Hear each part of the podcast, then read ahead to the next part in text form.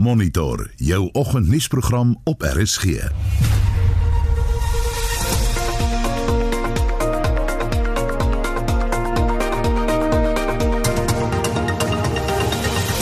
Volgende fokus ons op die Tshwane Metro gaan teen volgende week 'n burgemeester hê. Conversations are only starting in terms of the actual makeup of that coalition. Be quite frank here, there's nothing that stops the ANC and the EFF ganging together and forming their own coalition. They would have the numbers to do it. Ekonome gee hulle verwagtinge vir vandag se mediumtermyn begrotingsrede. Die seinverspreider Sentech vra die regering en die tesourier om die SAIK te help met sy finansiële verpligtinge. Centex business is largely relying on signal distribution revenue, a majority of which is at the SABC. En blinde en swaksiende Suid-Afrikaners kan nou gratis toegang tot die grootste aanlyn biblioteek ter wêreld vir blindes kry. Goeiemôre, ek is Gustaf Greiling. En ek is Anita Visser, welkom by Monitor.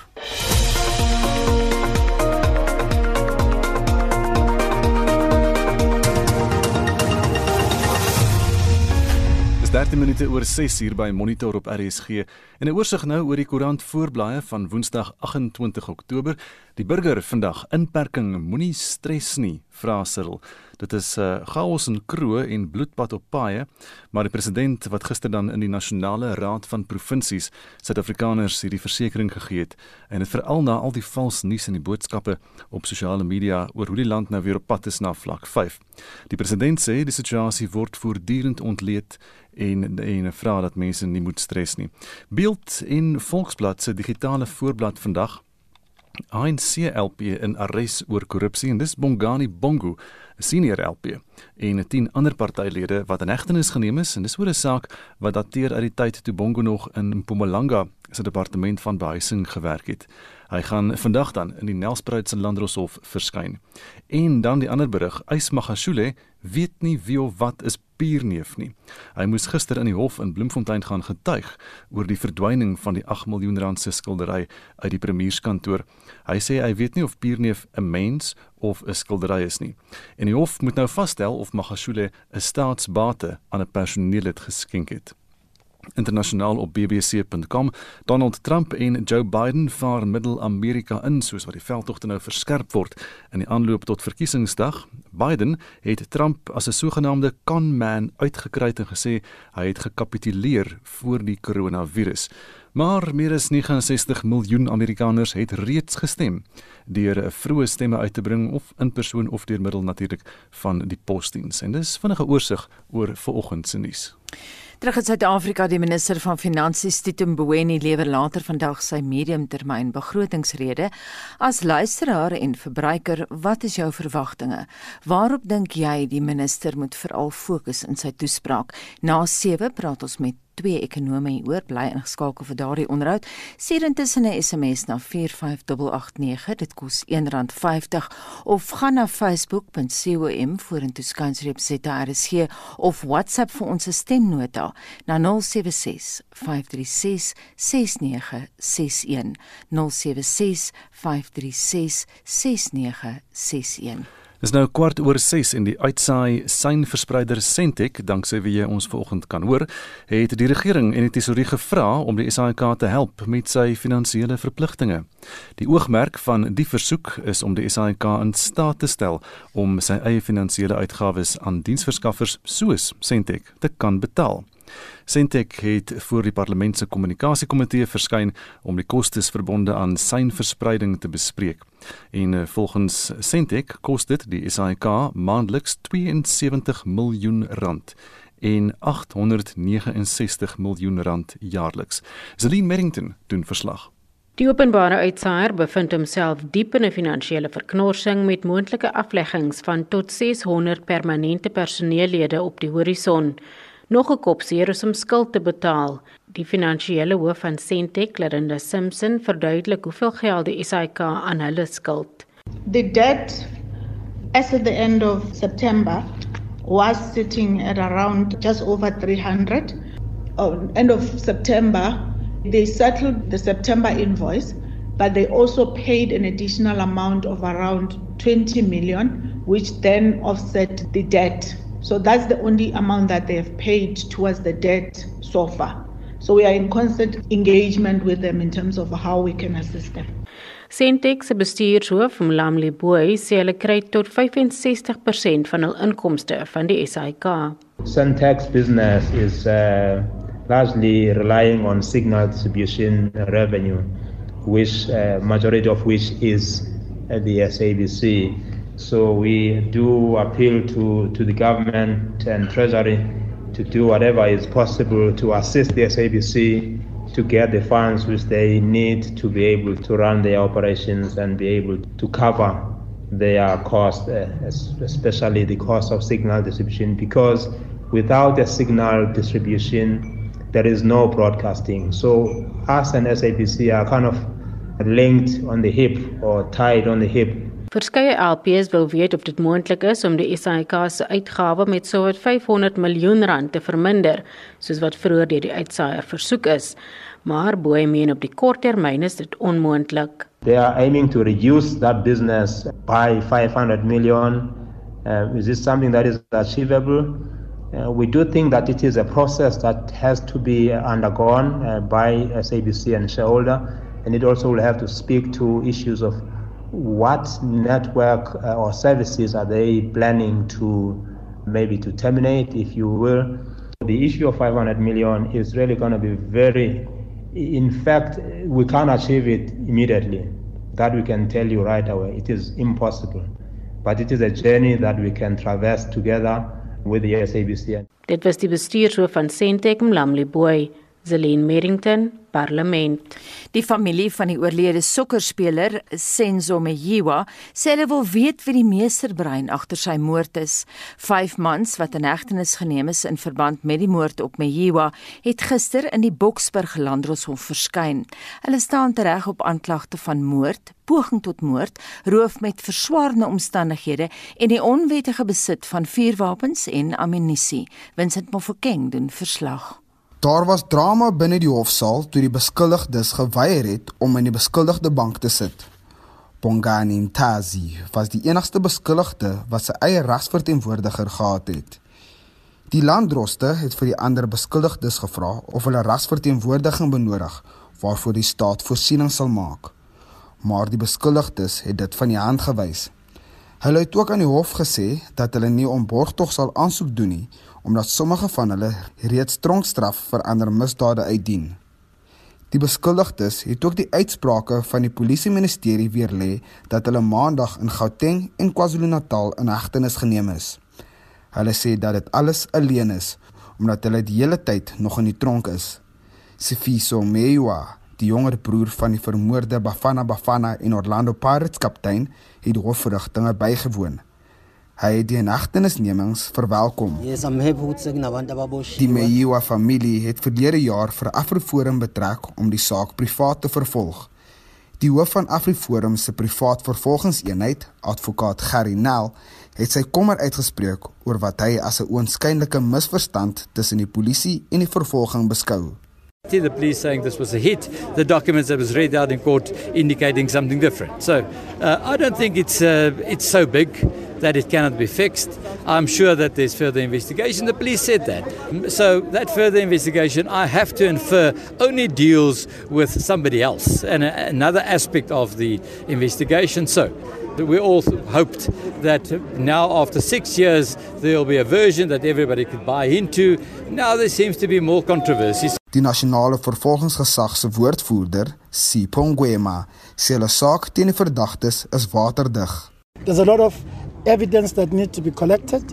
And this is why as I said earlier when the decision was taken because there is sufficient evidence to charge the five there's a lot of work that still not be done because we want to make sure there is no one who is involved in this thing that is not going to stand in the dock so anyone on top of this five who may be outside we need to make sure that by the time we come back all those people are in. Die saak is tot die 27ste van volgende maand uitgestel. Die verslag van Tsepo Pagane. Ek is Vincent Mufokeng vir SAI Garnis. Welkom by Monitor is nou 624. 'n Organisasie bekend as die Verenigde Vryheidsalliansie streef na 'n eie staat binne die grense van Suid-Afrika. Hulle wil dit kragtens die ontwikkelende internasionale reg van afstigting doen, so die president van die alliansie, Hein Marx in 'n onderhoud aan Mitsi van der Merwe gesê. Ons regsargument is om te begin by die akkoord van die 23ste April 1994 wat generaal Verhoeven basies hulle afgedwing het om te teken as die nasionale party en die ANC dan volgens ook artikel 20 van die Afrika Unie wet artikel 1 van die International Covenant on Human and Political Rights en dan natuurlik artikel 235 van die grondwet Watter groep mense verteenwoordig julle? In internasionale reg praat ons van 'n group of people. Praat nêrens oor internasionale reg van 'n volk of 'n nasie nie. Praat van 'n group of people wat geïdentifiseer moet word met 'n ooreenkoms van een van die volgende vier goeters etnisiteit, taal, kultuur of geloof. En die groep mense wat ons geïdentifiseer het as die minderhede is basies alle blanke en alle bruin en indiër volke. Maar dit gaan nog verder as dit. Dat die 114 BEE wetgewings wat niks anders is as omgekeerde apartheidswetgewings nie. Baie interessant is, maar daar was net 11 apartheidswetgewings tot 1994 en dit is verklaar as 'n misdaad teen mensdom apartheid. Nou is daar 114 in die wêreld het nog niks gesê nie. Is die vryheidsterrein gebiedsgebonde? Een van die internasionale regsvereistes van sesering is jy moet jou gebied identifiseer en nie ook sê wat is jou regsbasis hoekom jy daai gebied identifiseer. Ons regsbasis daarvoor is eenvoudig. Dis waar hierdie minderhede die meerderheid vorm. En daai syfer is gekry vanaf 2011 IEC syfers die regering se eie syfers. Maar die gebied is basies die hele Weskaap, die hele Noord-Kaap, 'n gedeelte van die Oos-Kaap, die ou Kaapland dan die westelike gedeelte van die Vrystaat met die N1 as die grens en dan is dit 'n strook wat ingaan wat Pretoria insluit. En hierdie goeders is gebaseer op waar die stemdistrikte wys waar die minderhede die meerderheid is. Wat gaan gebeur met die minderhede in daai gebied, minderhede van die meerderheid? Die minderhede wat dan in daai gebied gaan wees, gaan seker vir die eerste keer in hulle geskiedenis weet wat daar steeds vryheid is. Verduidelik? Daar gaan nie gediskrimineer word nie. En dit moet ons ook vir mekaar baie duidelik sê. Mense wat onwettig in die gebied is, gaan baie vinnig en baie duidelik teruggestuur word na hulle gebiede toe. Maar mense wat wettig in die gebied is wat deel vorm van die minderheid, dit maak nie saak watter kleur of geur hy of sy is, gaan 'n ordentlike vry lewe kan lei, soos al die ander wat wettig in daai gebied is. Gee voorbeelde van hoe minderhede onderdruk word. Oh, die ja ja ja, daar is 117 wetgewings. Ekonomies word hulle totaal onderdruk deurdat hulle word van werke ontneem. Hulle word van alle tenders van die staat af word hulle ontneem, behalwe die wat bereid is om bedrog te pleeg, fake DEE, direkteurskap te hê en dan omkoopgeld te betaal Wat gaan verder is dit? In terme van Suid-Afrikaanse grondwet is daar nie veronderstel om enige verskille te wees tussen ras, taal, geloof en geslag nie. En ons weet almal in Suid-Afrika, hoeveel voorbeelde is daar dat 'n blanke mag onder geen omstandighede in 'n senior posisie aangestel word nie. Word nêrens as pertinent gesê nie. Maar laat dit nou gebeur soos nou gebeur het met Eskom toe hulle sien hulle het self so totaal opgeneek dit was 'n ontrente polemiek geweest net om te probeer verduidelik hoekom is die arme blanke aangestel. Gaan kyk die ongelooflike armoede onder die bruinvolke. Dit is skokkend om dit te sien. Ons praat van plaasmoorde wat 'n totaal onaanvaarbare ding is. Maar gaan kyk wat gebeur in die Kaapse vlaktes onder die bruin mense met moorde wat daar aangaan. Op hierdie stadium is, is die syfer wat ek heel toevallig nou die dag by die Verenigde Nasies gekry het. 38 per dag met die Kaapse vlakte. Onaanvaarbaar. Jy sê julle gaan dit eis van die regering. Dis 'n regsproses. Dis nie soos baie mense dink 'n proses wat in die internasionale hof in Den Haag gedryf word nie. Dis 'n baie unieke proses waar die group of people, in die geval die Verenigde Vryheidsalliansie, die regsproses dryf al die vereistes nakom, dan eis jy wat ons eis is 'n referendum van die regering want dit is wat die internasionale reg sê. Hein, wat is die tydsraam vir die einddoel? Die tydsraam behoort teoreties, as ons net kyk in die gemors wat ons het, behoort dit te wees nie jare nie, maande. Die probleem is om die boodskap buite by ons mense uit. Ons kom nie by hulle uit met ons boodskap dat die mense kan verstaan dat dit binne hulle internasionale sowel as Suid-Afrikaanse grondwet reg is om onafhanklikheid te kry. In die 7 jaar of 8 jaar wat ek besig is hiermee, die mense wat ek gekry het wat totaal daarteen gekant is, kan ek op net wel op een hand tel. En ironies genoeg van hulle het ek gaan uitvind. Dis ander verskillende agendas hoekom hulle dit nie wil hê nie. As die boodskap by die mense kan uitkom, kan hierdie ding baie baie baie vinnig tot 'n totale finale uitslag kom. Jy sê julle met 2 miljoen ondersteuners hê. Hoeveel het julle? Dan op hierdie stadium met 334 000. En so sê Hein Marx, die president van die Verenigde Vryheidsalliansie en hy het met Mitsi van der Merwe gepraat. Jy luister na Monitor elke weekoggend tussen 6 en 8. Dis nou half 7 en in die nuus die bosboubedryf hoop op 'n mate van verligting wanneer die minister van finansies vandag sy langverwagte mediumbegrotingsraamwerk lewer. Die DA sê hy vertrou dat alle raadslede in die Tshwane Metro teen Vrydag terug by die werk sal wees na 'n appelhof beslissing. Die saak teen vyf verdagtes wat aangekla word van die moord op die voormalige Bafana Bafana sokkerspeler Senzo Mayiwa is tot 27 November uitgestel. President Cyril Ramaphosa het 'n veiligheidsplan vir die beskerming van spoorweginfrastruktuur van 900 miljoen rand uitgespel wat virtuele patrollies en die ontplooiing van reaksie-eenhede behels bly by ons. Ons praat vandag oor die minister van Finansies Tito Mboweni wat later vandag sy mediumtermyn begrotingsrede in die parlement lewer en Johan Oberholzer sê hy sou graag hierdie wou hoor. Hoër invoerbelasting op landbouprodukte veral hoendervleis, skaap en bees en dan sê hy skaf persoonlike en maatskappybelasting af en verhoog BTW tot 25%.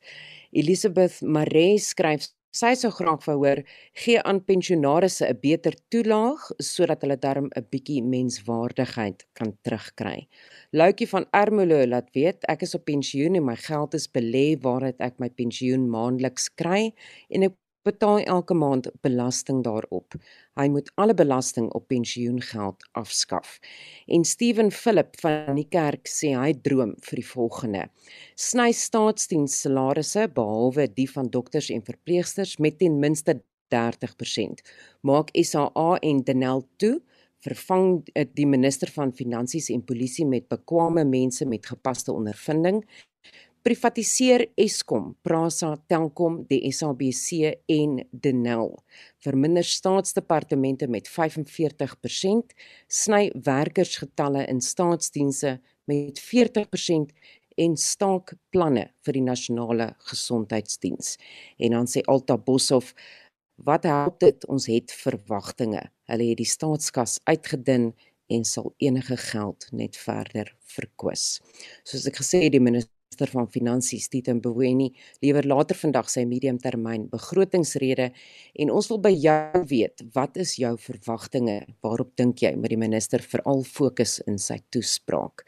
Stuur vir ons SMS 45 9 onthou dit kos R1.50 gesels saam op ons Facebookblad by facebook.com vorentoe skynstreep ZARSG of stuur vir ons 'n stemnota na 076 536 6961 Dis nou 25 minute voor 7 en Shaun Jooste het die jongste sportnuus. Ons begin met netbalnuus.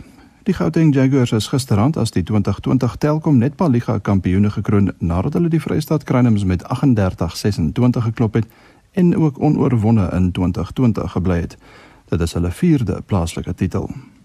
Op die cricketveld het die Sunrisers Hyderabad die Delhi Capitals gister in die IPL reeks oortuigend met 88 lopies afgeronsel om hulle uitspeelkanse lewendig te hou.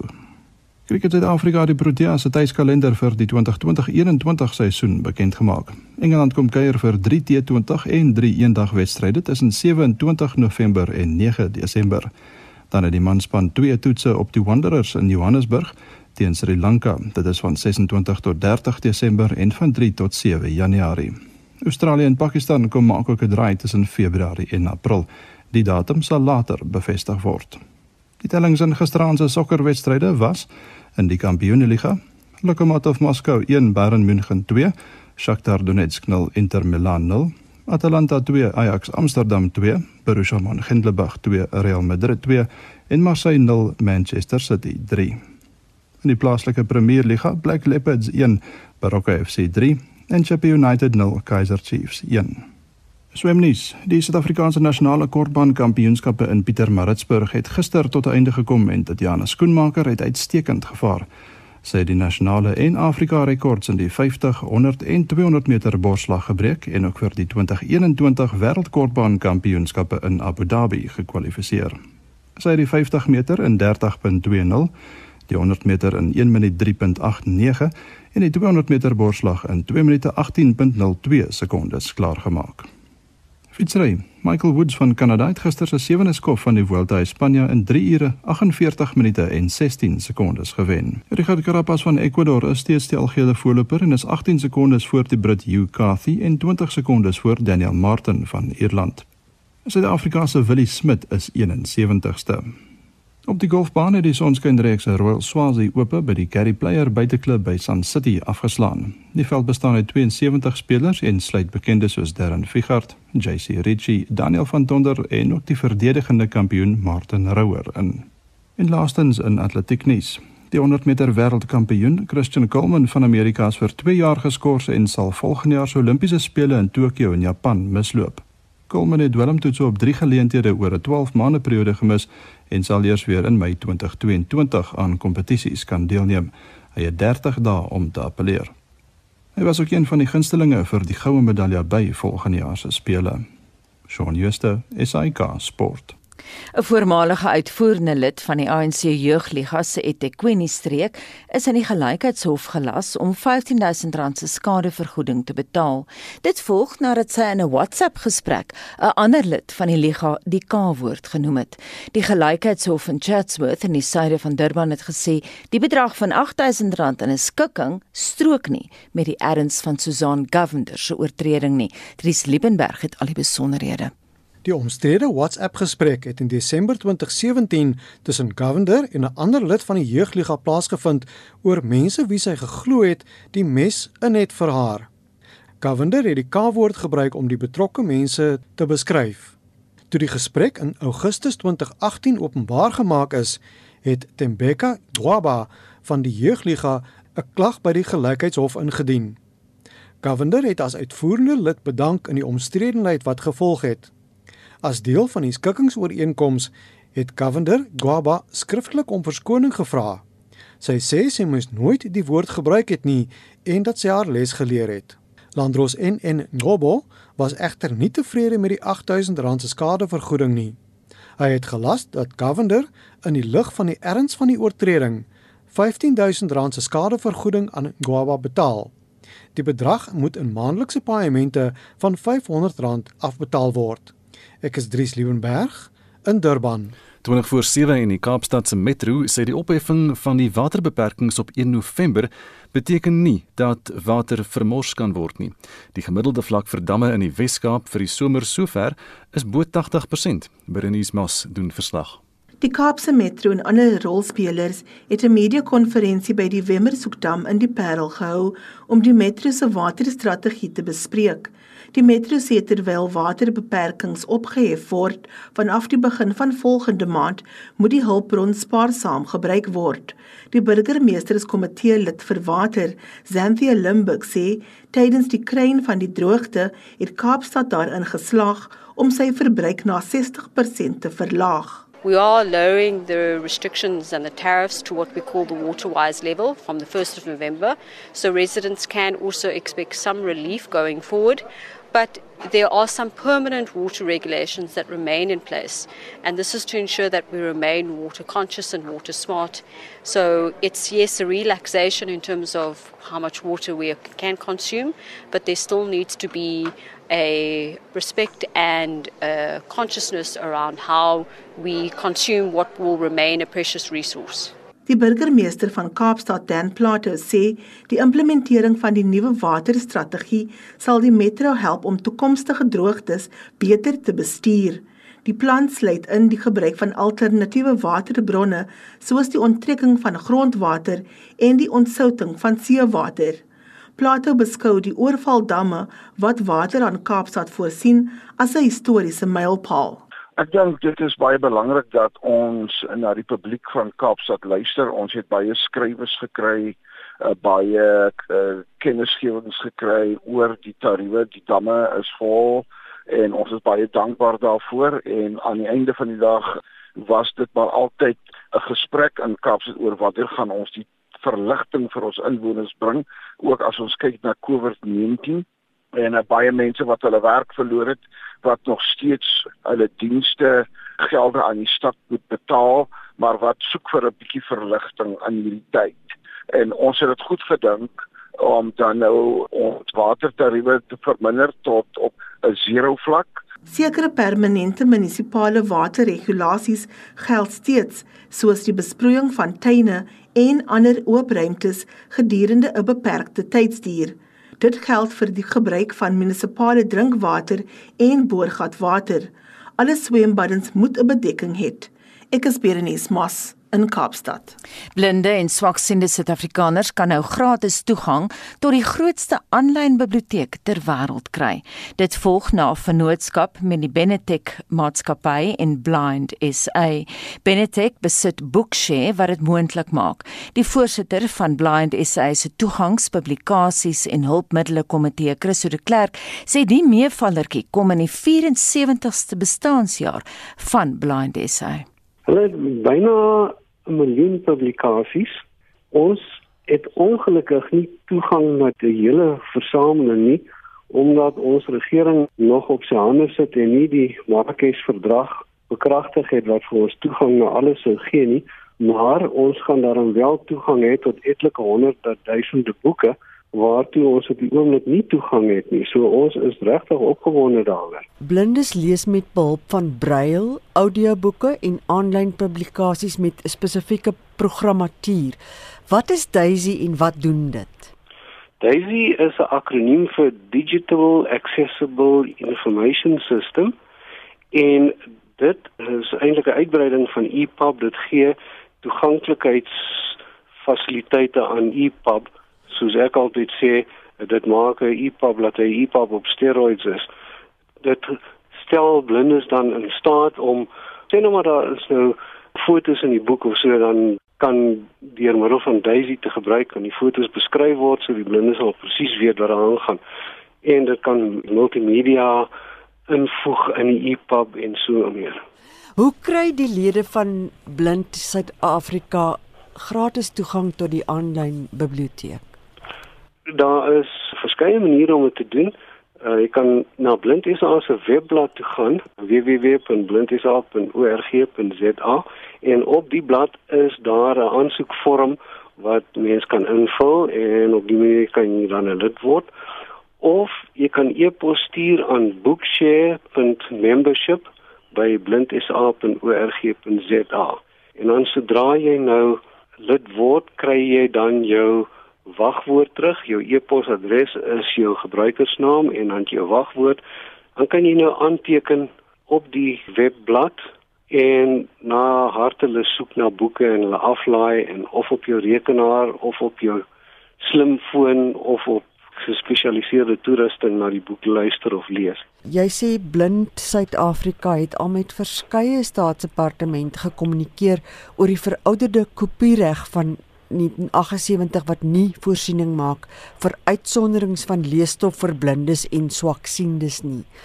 Die probleem is dat daar boeke is wat reeds in formate bestaan wat toeganklik is vir blindes, maar dit is hier nie toeganklik vir ons nie omdat die regering nie die Marrakesh verdrag onderteken het nie.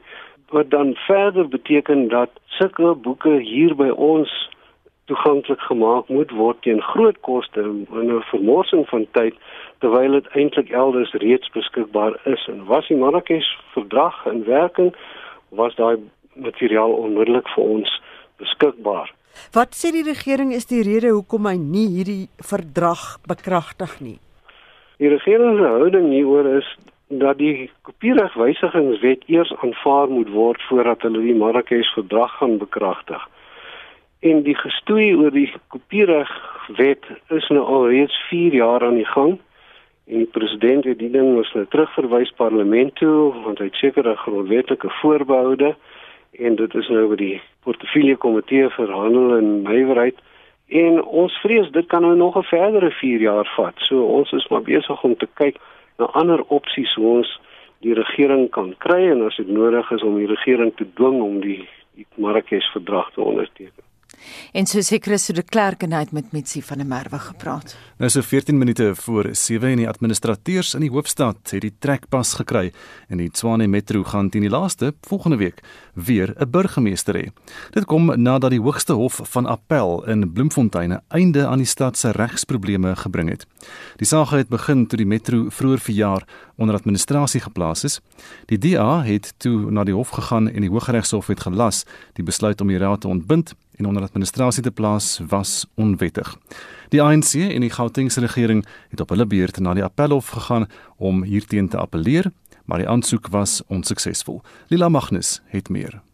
Die DA in Tshwane het nie gras onder sy voete laat groei nie en het dadelik na die Appelhof se uitspraak met die ander partye in die raad begin gesels.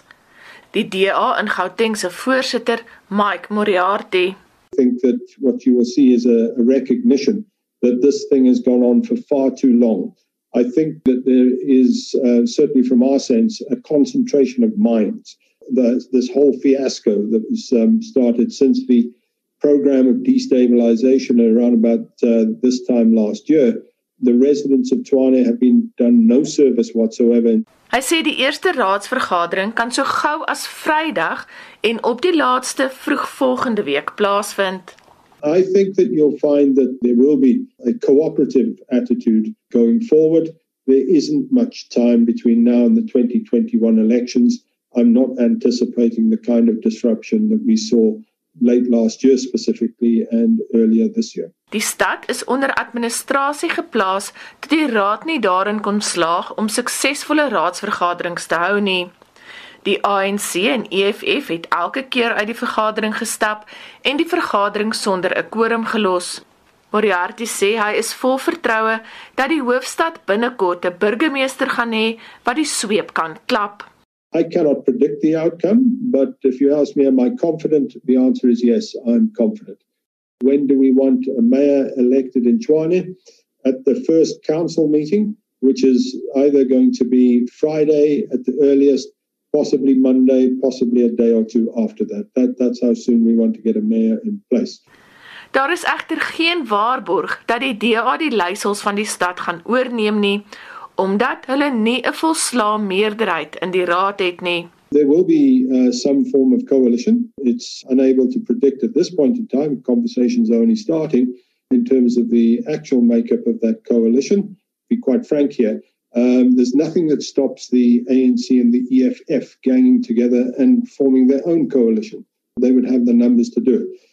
Die DA se burgemeesterskandidaat Randall Williams sê egter hy is opgewasse vir die taak indien hy gekies word. The difficulty in restoring services depends on what we're going to find. There's for the last 6 7 months there's been no oversight over what the administrators have been doing. We were prevented from doing oversight. The only person that they reported to was Mahile. So only Mahile knows what's going on in the city. But we suspect that we're not going to find good news. Die DA se leier John Steenhuisen sê die Appelhof se uitspraak is 'n wen vir demokrasie in die land omdat dit individue in die toekoms sal keer om munisipaliteite te kaap. What you cannot do is use another sphere of government as a weapon against another independent sphere of government and try and usurp power through the back door that you weren't able to obtain through the ballot box. So this is a very significant precedent that we will be able to use going forward across the country when you have predatory provincial administrations who abuse their constitutional power. Hy het 'n beroep op die premier van Gauteng gedoen om die LUR vir samewerkende regering en tradisionele sake, Lebogang Mahile in die pad te steek. Hy meen Mahile het die demokrasie ondermyn deur nie die wil van die mense of die uitkoms van 'n verkiesing te respekteer nie. Ek is Lela Magnus vir SAK nuus in Pretoria. President Cyril Ramaphosa het beweringe verwerp dat die land na 'n hoër vlak van inperking gaan beweeg weens 'n skerp toename in COVID-19 infeksies. Ramaphosa sê egter dat dit 'n groot bron van kommer is dat Suid-Afrikaners nie by die inperkingsmaatreëls hou nie. Hy het, hy het gister vra tydens 'n sitting in die Nasionale Raad van Provinsies beantwoord. Die president sal volgende week die land toespreek. Essie de Klerk doen verslag. Sedert verlede week is daar gerugte op sosiale media dat die land binnekort na vlak 3 van die inperking kan beweeg indien daar 'n tweede vlaag van COVID-19 infeksies is. Tim Brattesheff van die DA het die president uitgevra oor die moontlikheid van strenger inperkingsmaatreëls. There have been many rumors floating around and they have been supported by some of your premiers and some of your cabinet ministers saying that the country is going back to level three or level five lockdown measures in the very near future. Are you prepared to put those to bed today? I don't want our people to be alarmed with rumors such as we're going to level three. That is simply not true. And I want to assure everyone that that is not true. Uh, if it ever gets there, I will be the one to advise the nation where we are and where we are going to. For now, All we need to do is to adhere to our preventative measures. Ramaphosa sê die regering gaan hommeltuie en 'n reaksieeenheid ontplooi om virtuele patrollies te onderneem vir die beskerming van spoorinfrastruktuur. Ramaphosa sê die stappe is deel van 'n beveiligingsplan vir die passasiersspooragentskap Prasa. Hy sê die tesourier het 900 miljoen rand goedgekeur vir die plan. Part of the plan is to immediately appoint security personnel to deploy remotely piloted aircraft systems to conduct virtual patrols of high risk infrastructure. This capability will work together with specialized investigations and armed response. The plan will also involve the creation of an internal security capability for armed response control room operations, as well as increasing the number of physical security officials on the ground. Hy sê hy het twee tussentydse verslae van die spesiale ondersoekeenheid ontvang oor korrupsie wat verband hou met tenders vir persoonlike beskermingstoerusting. I wish to commend the SIU for the really outstanding work that they have been doing under very difficult circumstances and conditions. To have these investigations completed urgently and diligently. And they have assured me that they are pulling out all stops and they are laying out their very best personnel to investigate. Ramaphosa sê die minister van verdediging, Nosiviwe Mapisa Nkula, se reis na Zimbabwe vroeër vanjaar is op 'n dringende grondslag goedgekeur. Hy het egter nie gesê hoeveel hy voor die reis geweet het van die ANC afvaardiging wat die reis saam met haar sou meemaak nie. It is true that we have a notice period say of 2 weeks, but it has often happened where matters happen on an exigency basis, on an urgent basis where ministers have to meet either their counterparts or travel outside the country.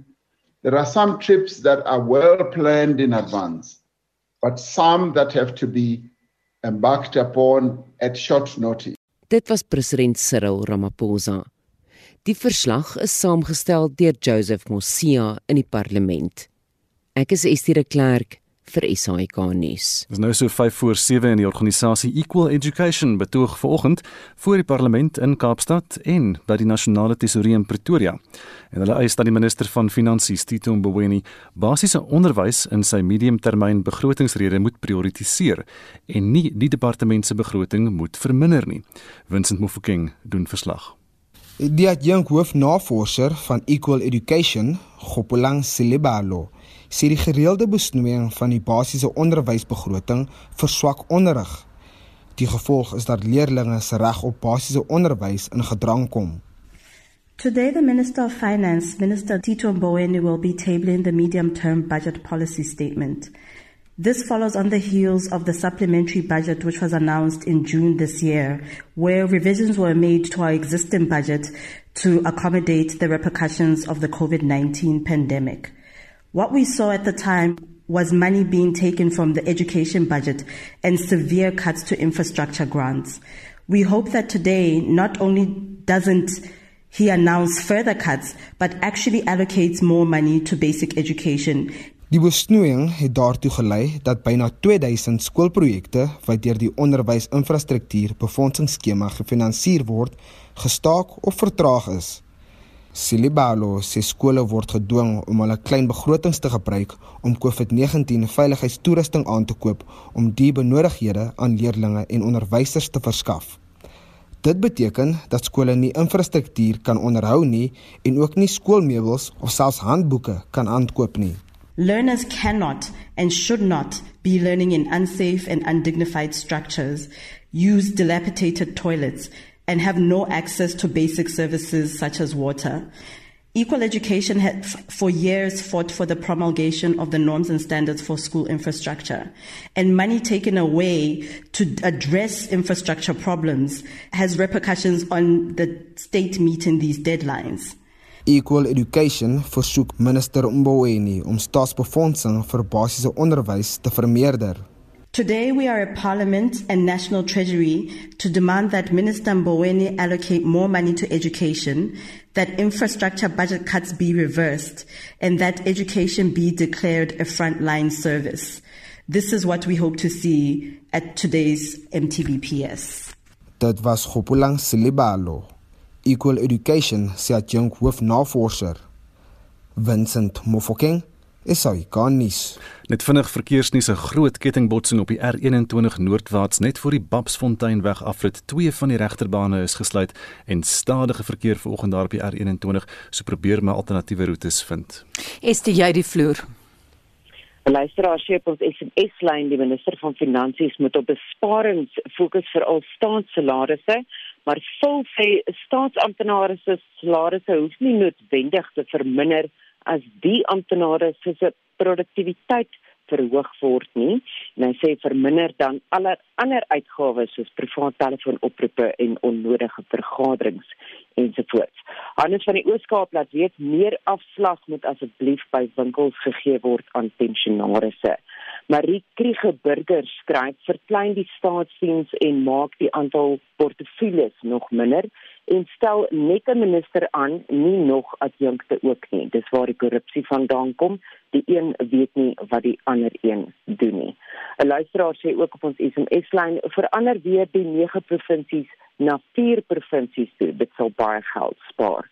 Louis van die Kerk laat weet ek verwag weer eens groot teleurstelling die ANC beleid gaan bo die land se oorlewing geplaas word soos dit is, is ons bankrot, maar hulle wil 'n ligredery hê. Ons is bankrot, maar sal die staat se uitgawes verhoog. Min sal gesê word om die private sektor aan te moedig om werk te skep en vir beleggers te verseker dat hulle belegging veilig gaan wees.